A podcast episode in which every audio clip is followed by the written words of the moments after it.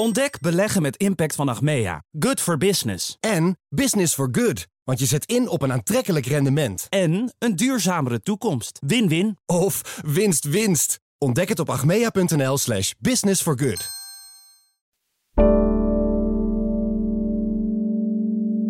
Goedkoop Gronings gas is verleden tijd. Het klimaatprobleem heeft de boordroom bereikt en overal botst Nederland tegen de grenzen op. En dus is het de vraag waar we eigenlijk in de toekomst ons geld mee gaan verdienen. Moeten we door met staalproductie bij Tata in Amuiden of met de petrochemische industrie in de haven van Rotterdam? In deze serie ga ik, Pieter Kouwenberg, samen met mijn collega Bert van Dijk op zoek naar antwoorden. Maar voordat we dat kunnen doen, moeten we eerst weten hoe Nederland er nu eigenlijk voor staat. Dat doen we in deze aflevering. We spreken met hoofdeconoom van CBS Peter Hein van Mulligen en trokken naar Delft om daar te praten met Arnoud de Jong.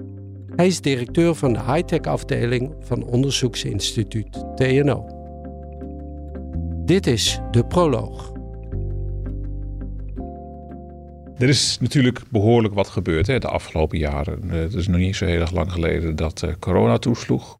En, en je allemaal zwarte scenario's zag over de wereldeconomie, over Nederland. Dat zou de grootste crisis worden sinds de Tweede Wereldoorlog. De financiële crisis zou hierbij verbleken. Eh, de hele globalisering zou ten einde komen. De wereldeconomie zou muurvast worden. En nou ja, wat voor rampspoed er allemaal wel niet voorspeld werd. Dit is Peter Hein van Mulligen, de hoofdeconoom van het CBS. En je kan opgelucht ademhalen, want dat is er dus allemaal niet gebeurd. Ja, we hebben nu een hoge inflatie en ja, er dreigt een recessie. Maar als je naar het grote plaatje kijkt, staat de Nederlandse economie er eigenlijk nog best goed voor. En dat bevestigen de ranglijsten. Nederland staat heel hoog, uh, derde in de Europese Unie. Ja, de nummer één, dat is Luxemburg. Nou ja, als je Maarten van Rossum mag geloven, dan is het stelletje boeven en bedriegers die verdienen hun geld alleen maar in de financiële sector. Ierland is nummer twee, uh, maar daar is het BBP per hoofd is een beetje kunstmatig uh, verhoogd door uh, nou ja, allerlei financiële holdings die er zitten. Veel multinationals die daar een hoofdzitting hebben, dus wat daarin meetelt. Maar ja, waar de doorsnee Ier nou niet heel erg veel rijker voor wordt. Niet dat Ierland een heel arm land is hoor. Het beschikbare inkomen per hoofd is nog steeds wel hoog.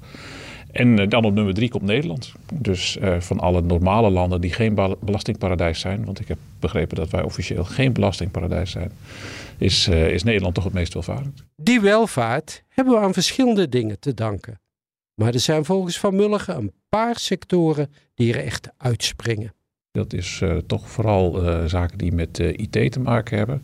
De ICT-branche in Nederland is sterk gegroeid, maar ook delen van dienstverlening, waar heel veel nou ja, IT-bedrijven zitten, groeit hard. industrie, dat is een opvallende, want nou, we kennen allemaal het klassieke verhaal van uh, de, de, overgang die economieën maken van landbouw naar industrie naar diensten. En dat was Nederland niet anders. Uh, dus het aandeel van de landbouw dat houdt met zo'n 2% wel op. De industrie, ja, dat nam ook gestaag af. Halverwege de jaren 90 was nog iets van 16% eh, van ons bbp zat bij de industrie. Tijdens uh, beginjaren van deze eeuw kromt dat langzaam richting de 11. Maar het opvallende is dat dat zo ongeveer uh, nou, rond het dieptepunt van de crisis uh, stagneerde. En daarna weer wat is opgeveerd en al jarenlang zo constant zo richt tussen de 12 en de 12,5 procent zit. Dus het aandeel van de industrie is niet gedaald. En ik ja, zie daar toch wel het succes in van een zekere chipfabrikant in het zuiden des lands. Uh, en ook met de aanpalende industrie er toch gezorgd voor lijkt te hebben dat uh, ja, de Nederlandse industrie, hè, dat afnemende belang, toch heeft weten af te keren. Dus, dus in, en dat zijn bij uitstek natuurlijk allemaal hele hoogwaardige bedrijfstakken waar absoluut geen dom werk wordt gedaan. Daar heb je echt expertise voor nodig. Ja, en daar blijkt Nederland toch verrassend sterk. Dat ziet ook Arnoud de Jong. Hij is de directeur van de high-tech afdeling van onderzoeksinstituut TNO. Bert en ik gingen samen bij hem op bezoek. Als we naar de industrie kijken en naar het land kijken, dan zijn we denk ik het allerbeste in het maken van complexe apparaten, machines. Daar zijn we het allerbeste in.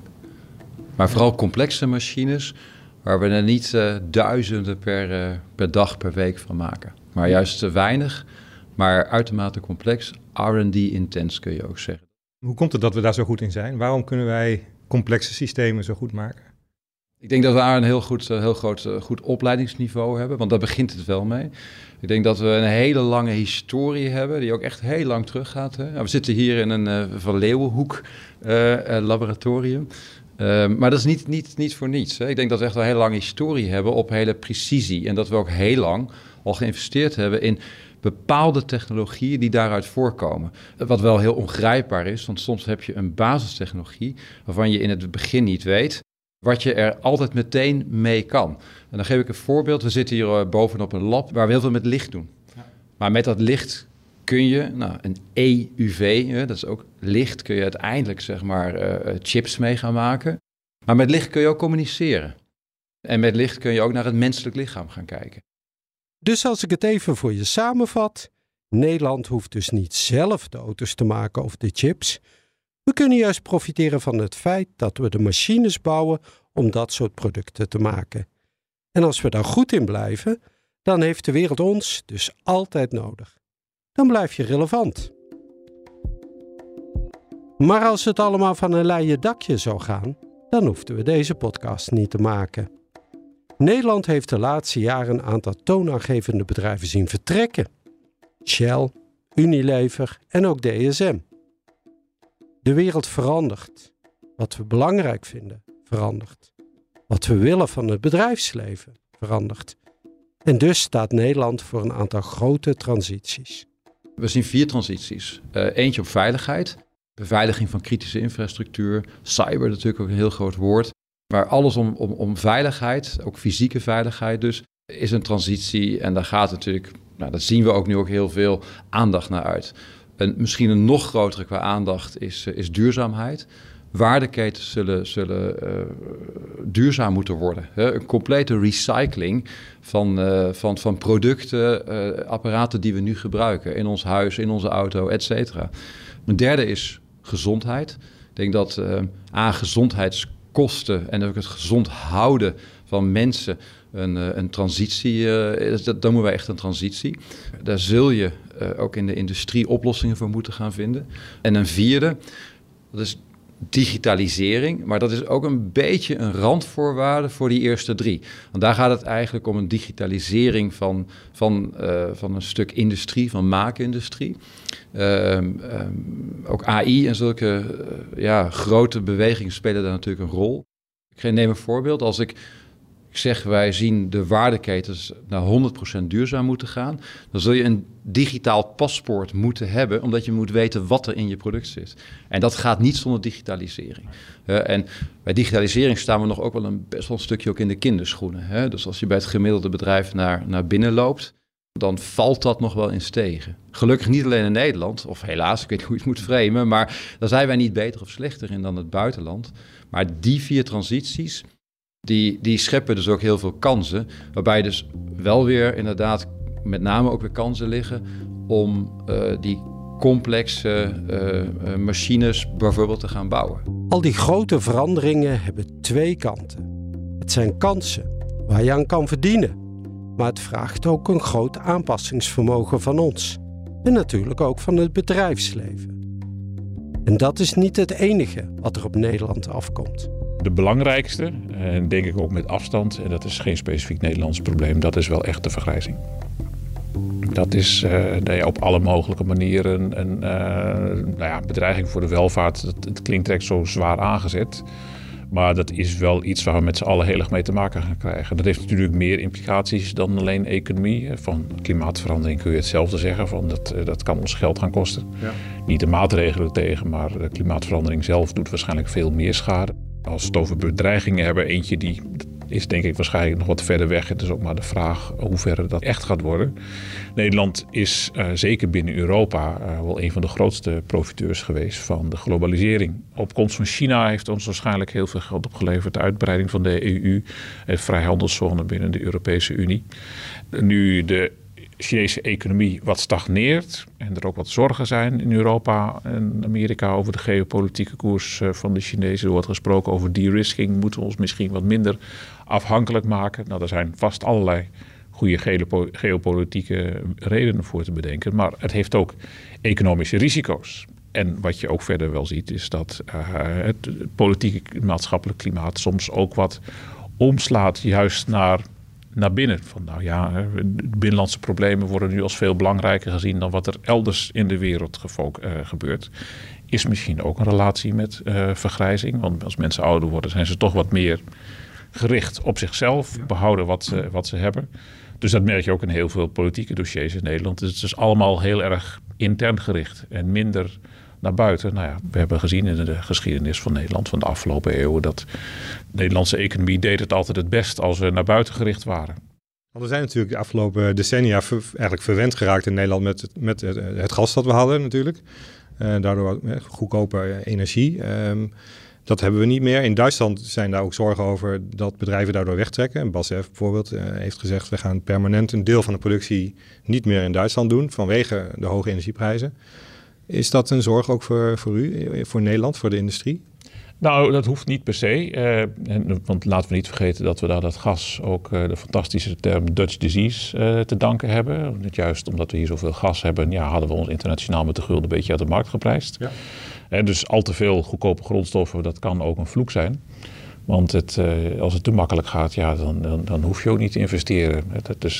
Uh, waar ook al gekeken wordt naar bijvoorbeeld de rijke oliestaten in het Midden-Oosten, schatrijk. Maar ja, die innovatieve kracht daar, uh, ja, dat, ja, daar worden wel eens vraagtekens bij ja. geplaatst. Dus dat prikkelt ons weer, dit dwingt ja. ons wel weer een beetje om... om hoe minder iets... natuurlijke grondstoffen je hebt, hoe meer je zelf moet doen. Nou, kijk naar een land als Singapore, daar hebben ze niets. Nee. Er is geen landbouw, er is geen mijnbouw, er is niks. En het is een uh, fantastisch rijke stadstaat. Ze liggen natuurlijk ook wel gunstig daar bij de straat van Malacca met alle handelsroutes, maar toch... Uh, die, die, grondstoffen, dat is geen voorwaarde om het goed te doen. Uh, en het kan juist ook prikkelen en ja, met die goedkope energie.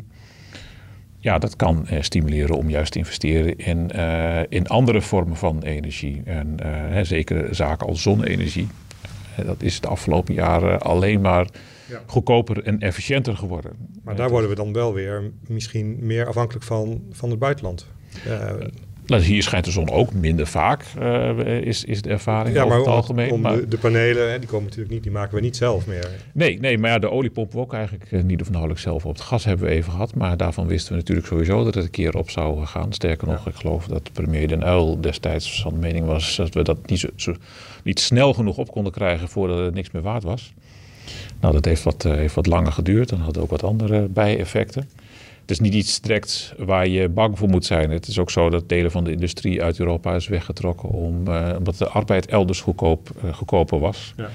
En toen werd ook het, uh, het ergste gevreesd dat we nou, als, als land of regio aan de bedelstaf zouden raken. Maar dat is nooit bewaarheid geworden. Kijk naar de textielindustrie die ooit groot was, de strookkartonindustrie en allemaal meer van dat soort uh, voorbeelden die in Nederland ook niet of nauwelijks meer zijn. En lokaal waren dat belangrijke werkgevers en dat het er niet meer is, zullen we waarschijnlijk op lokaal niveau nog wel merken.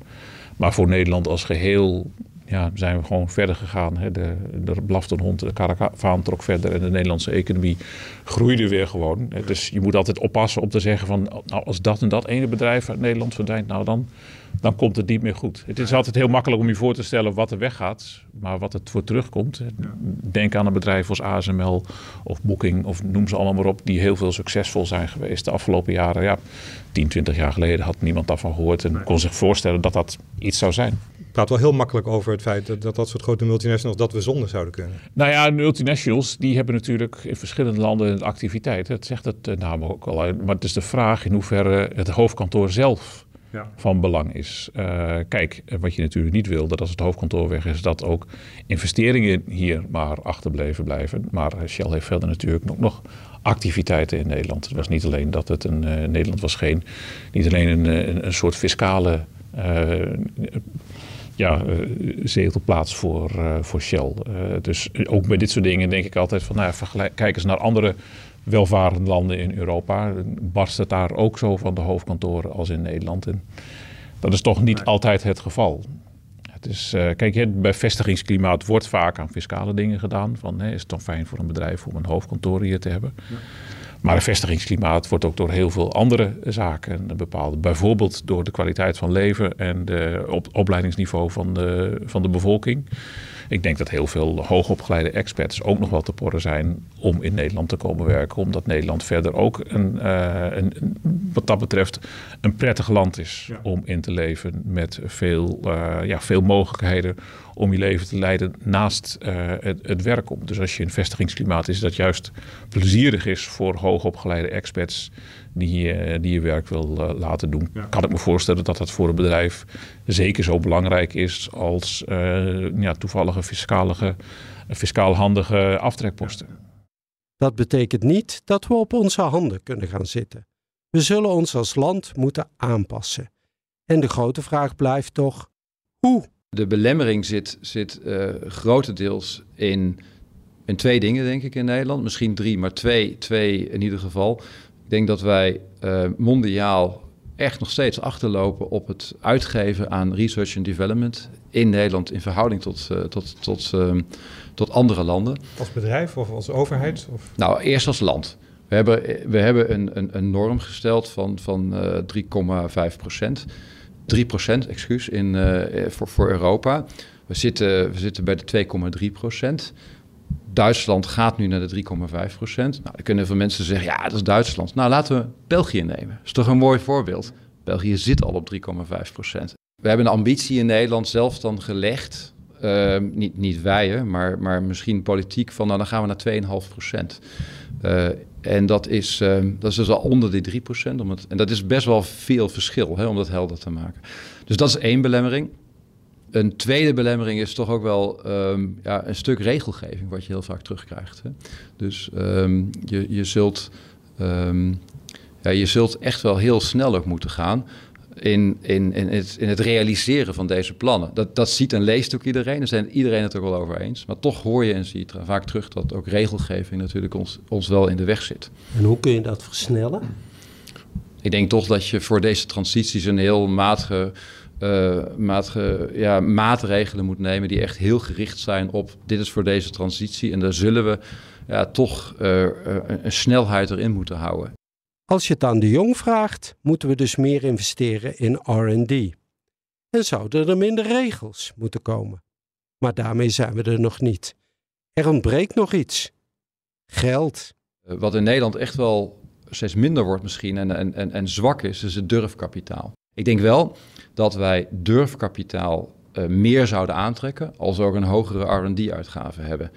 Uh, het tweede is dat we natuurlijk zien dat onze scale-ups in Nederland ja, niet, niet heel erg succesvol zijn. Dus er zit ook wel een stukje ondernemendheid waar ik, waar ik toch wel nou, wat, wat kritisch over mag zijn. Hè? Van hoe, hoeveel lef hebben we nu echt in Nederland in de ondernemende aderen vloeien qua bloed van, van uh, ga, uh, grijp je kans, zeg maar. Dan moeten we ook zelf kritisch als Nederland zijn. Hè? Het, is, het is allemaal wel goed op dit moment.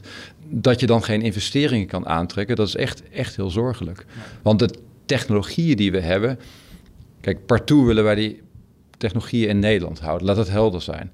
Er staan hier echt wel, en wij zijn een kennisinstituut, maar ook bij bedrijven zijn echt wel Chinese investeerders klaar om meteen in te stappen. Nou, dat gaan we natuurlijk niet doen. Maar over het durfkapitaal waarmee we het wel kunnen doen, daar ontbreekt het in Nederland en ook in Europa toch wel erg aan. En dat zie je nu, dat die versnelling, hè, dat natuurlijk ook Amerikaanse voorbeelden, ik Amerika vergelijken met Nederland altijd heel moeilijk. Uh, maar, maar op het, als je het relateert aan de grootte, zitten wij in durfkapitaal aan de, aan de, aan de, aan de subkritische kant. Wat wordt de rol van de overheid? Laat je het allemaal aan de markt over? Heb je vertrouwen in de innovatiekracht van het bedrijfsleven en de wetenschap? Dat nieuwe dingen spontaan zullen ontstaan? Of zal het nieuwe kabinet echte industriepolitiek moeten gaan voeren? Als je het aan Peter Heijn en Arnoud vraagt, krijg je verschillende antwoorden. Ik lijkt me wel een voorstander van een, een, beetje een gezonde dosis creative destruction in de economie. Dat dat wel... Ja, de gebrek daaraan is dood in de pot, denk ik. Ja. Ja, dat is, uh, en ja goed, de, de wereldgeschiedenis kent daar uh, tal van voorbeelden van. van de, de koplopers die nee, uh, ooit succesvol waren en voorlagen, dat niemand zich voor kon stellen dat die hun voorsprong ooit nog in zou leveren. En kijk eens twee decennia verder en ze hangen in de touwen.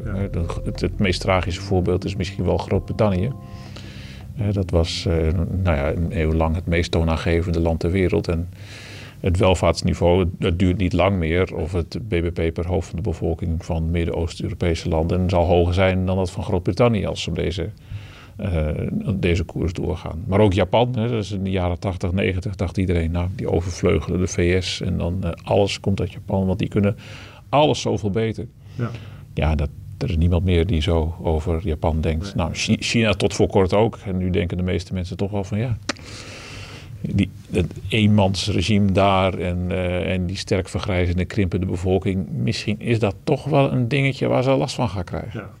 Ik denk dat je echt wel um, vangrails mag plaatsen en zeggen van hier zetten wij op in. En, en, want dat garandeert dan ook eerder dat je niet heel snel buiten die vangrail gaat springen. Want nu is morgen ook iets interessant en dan moeten we dat ook doen. En hoe, hoe zou die vangrail er dan heel concreet voor uh, de mannen in de straten, hoe zou je dat dan uitleggen? Hoe ziet dat eruit, die vangrail? Uh, ik denk dat die vrij lang moet zijn, wat ik al zei. Dat is een hele simpele antwoord. Maar, ja. maar toch even voor de beeldspraak. Lang, ja, lang, lange termijn. Hè? Dus dat je niet een kort vangrailtje bouwt, zodat je dan over twee jaar er weer... Uh, ik denk dat je je echt op 2040 moet richten.